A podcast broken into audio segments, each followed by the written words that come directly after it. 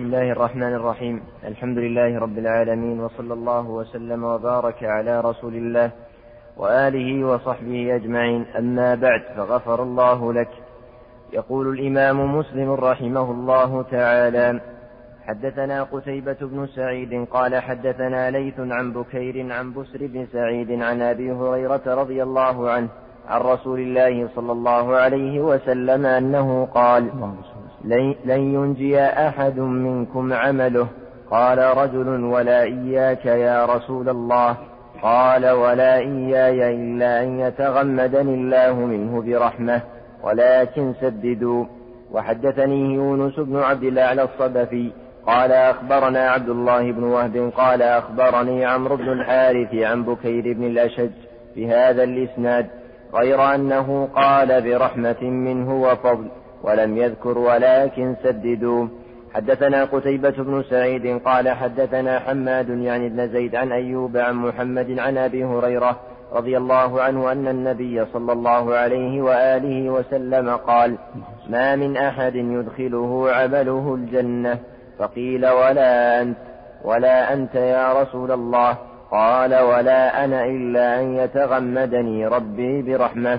حدثنا محمد بن المثنى قال حدثنا ابن أبي ابن أبي عدي عن ابن عون عن محمد عن أبي هريرة رضي الله عنه قال قال النبي صلى الله عليه وسلم ليس أحد منكم ينجيه عمله.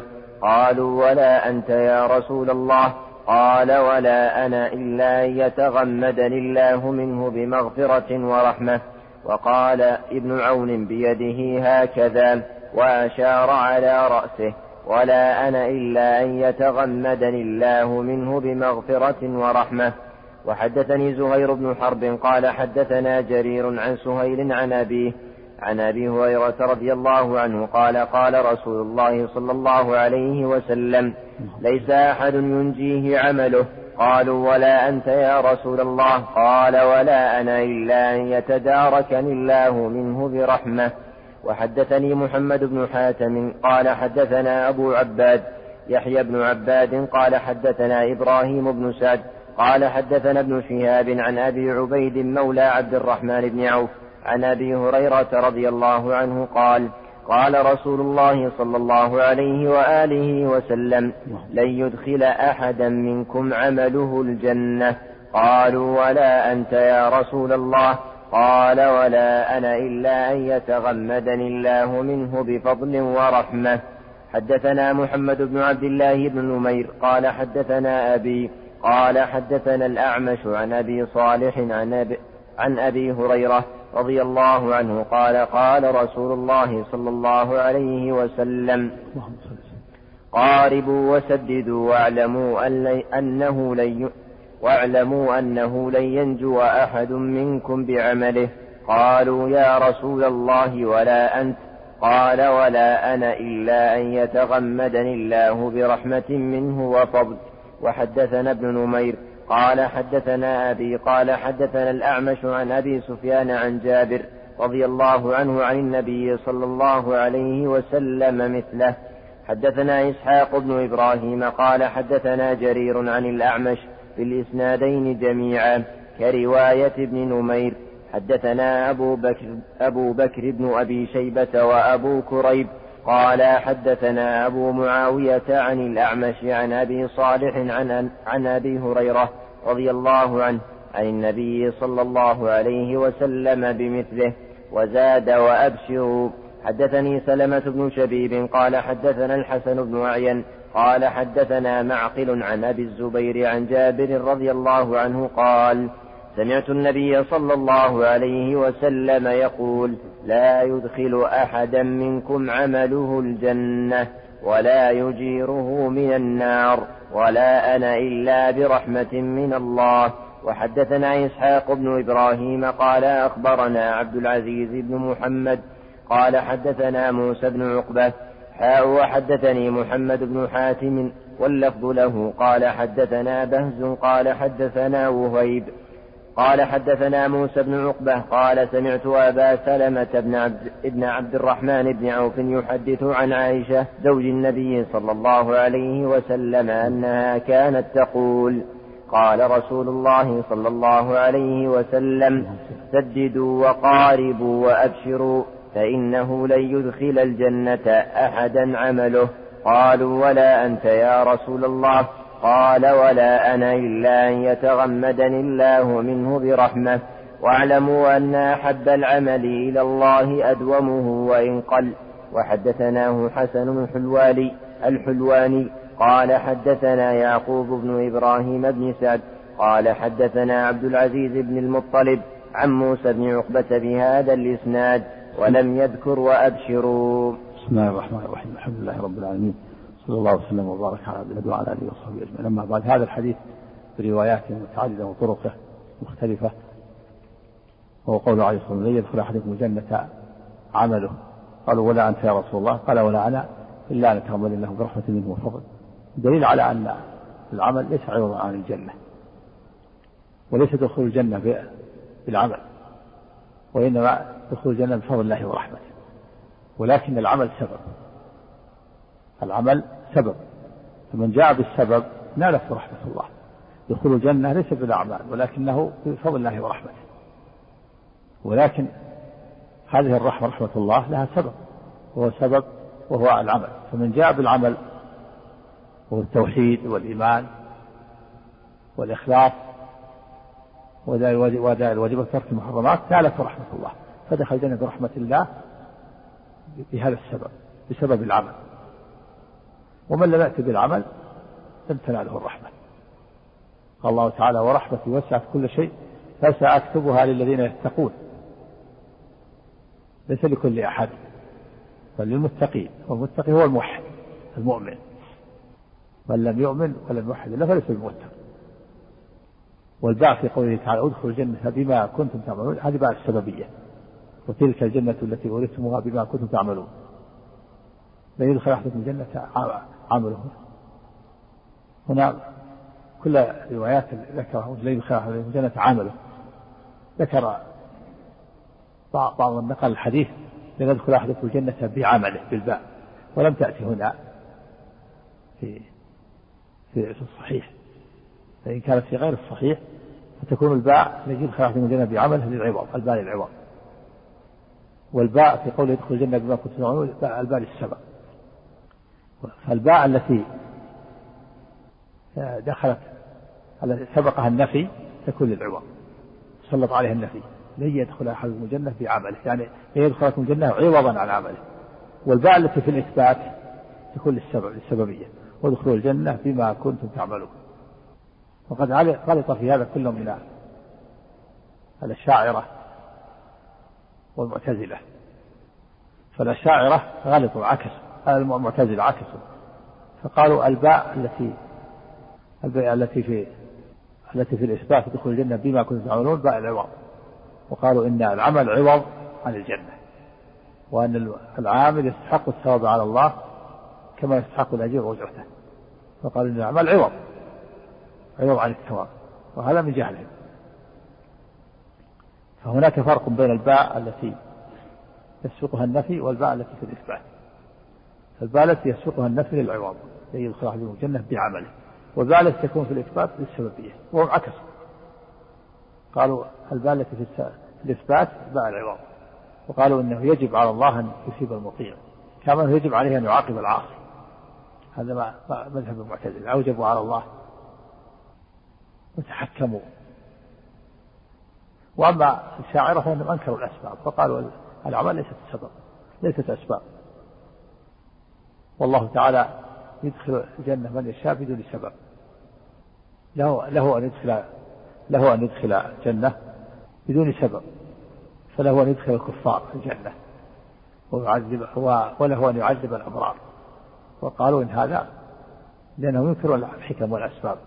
وقالوا إنه لأنه يتصرف في ملكه. وهذا من أبطال الباطل. وكل من المذهبين مذهب باطل. فمذهب المعتزلة الذي يقول أن الأعمال عوض عن الجنة وأنه يجب على الله أن يثيب المطيع كما أنه يجب عليه أن يعاقب المعاصي. هذه شريعة شرعوا وأوجبوا على الله وتحكموا نعوذ بالله. وكذلك المذهب الثاني مذهب الشاعرة وهم جبرية. قال أنكروا الأسباب والحكم. وغرائز والطبائع وقالوا إن إن الرب سبحانه وتعالى له أن يعاقب المطيعين والأبرار وله أن ينعم الفجار. وقالوا إن هذا ليس بظلم الظلم هو الذي الممتنع الذي لا يدخل تحت القدرة. وهذا من أفضل الباطل فالظلم هو وضع الشيء في غير كان ينقص أحدا من ثواب حسناته أو حمل أوزار غيره.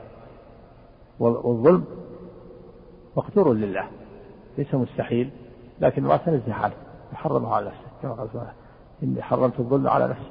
قال فلا يخاف ظلما ولا هضما إيش النووي على هذا؟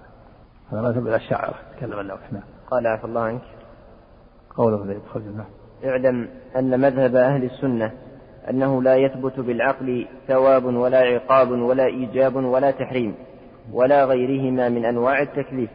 غصب يرد على المعتزلة. المعتزلة هذا يقول أن العقل هو هو الموجب. نعم. عنك. ولا تثبت هذه كلها ولا غيرها إلا بالشرع. نعم. ومذهب أهل السنة أيضا أن الله تعالى لا يجب عليه شيء تعالى الله بل العالم ملكه. نعم إلا ما أوجبه على نفسه له أوجب على نفسه.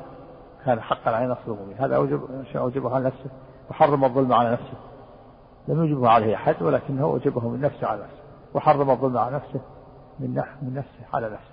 سبحانه وتعالى. نعم. سلام عليك. بل العالم ملكه والدنيا والآخرة في سلطانه.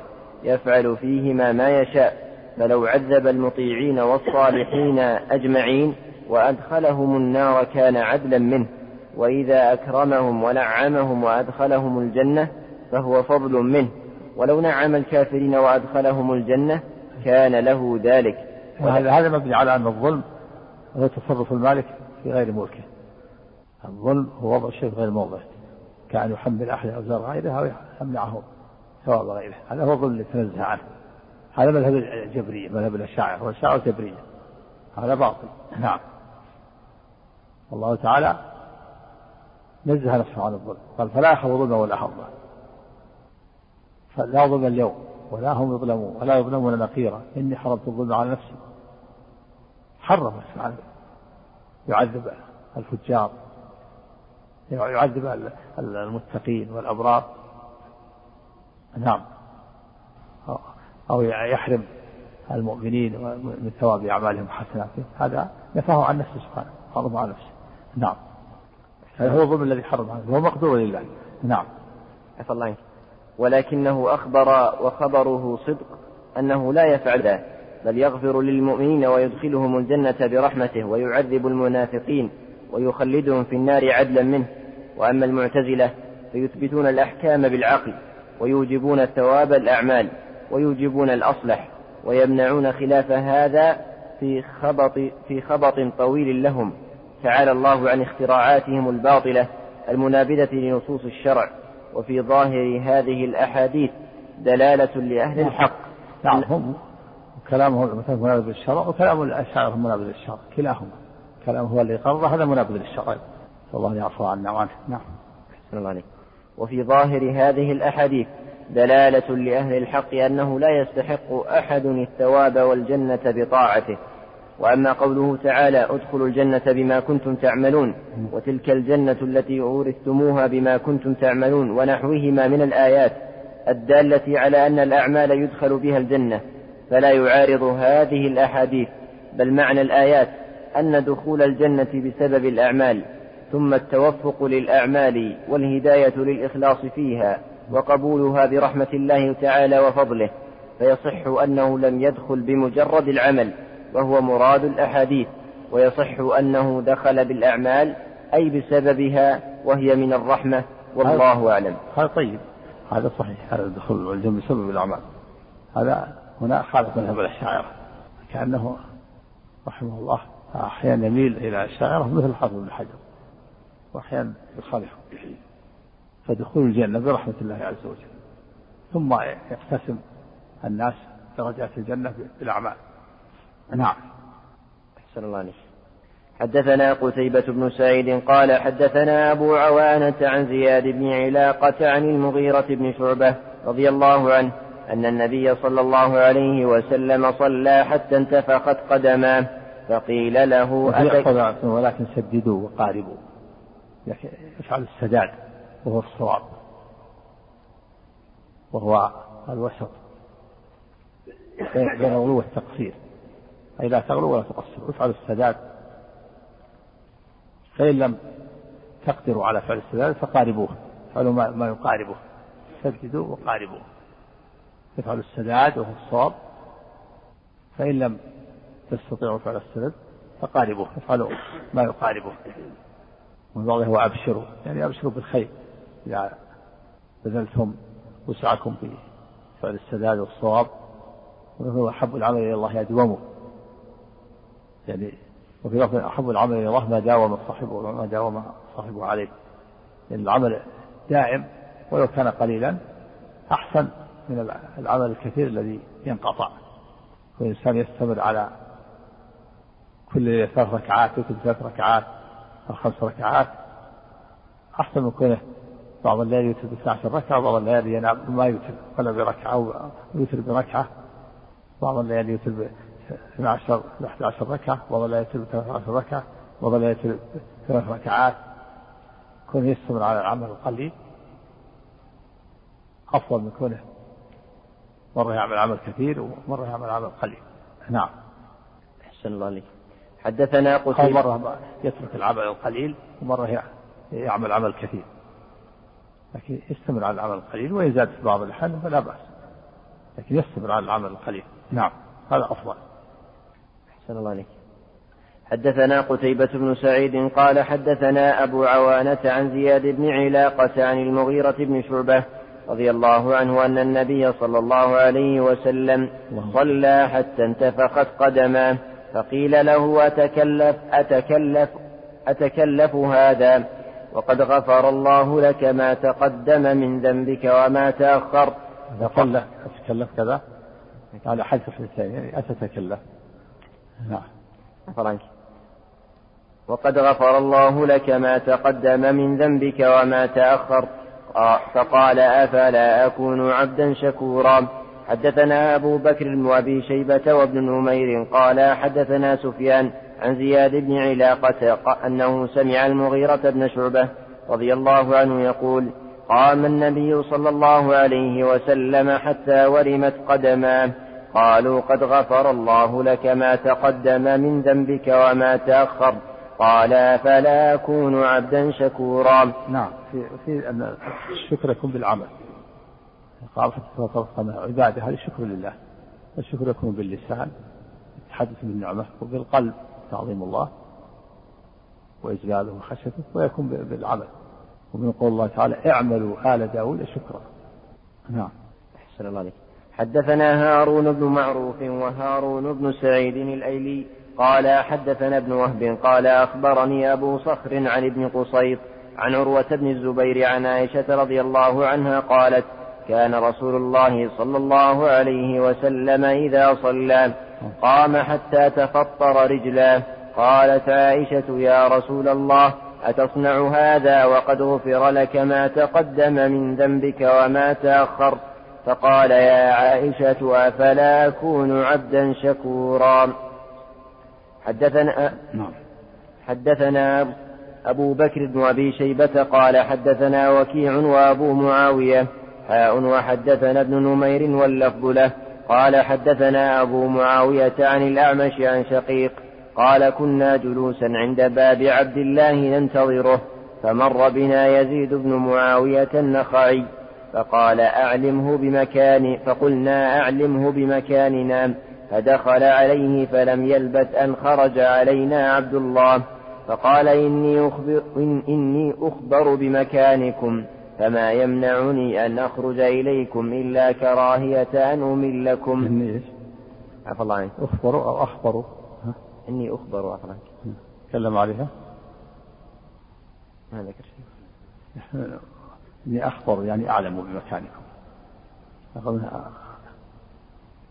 إني أخبر بمكانكم يعني أعلم أعلم بمكانكم شو النسخة الثانية؟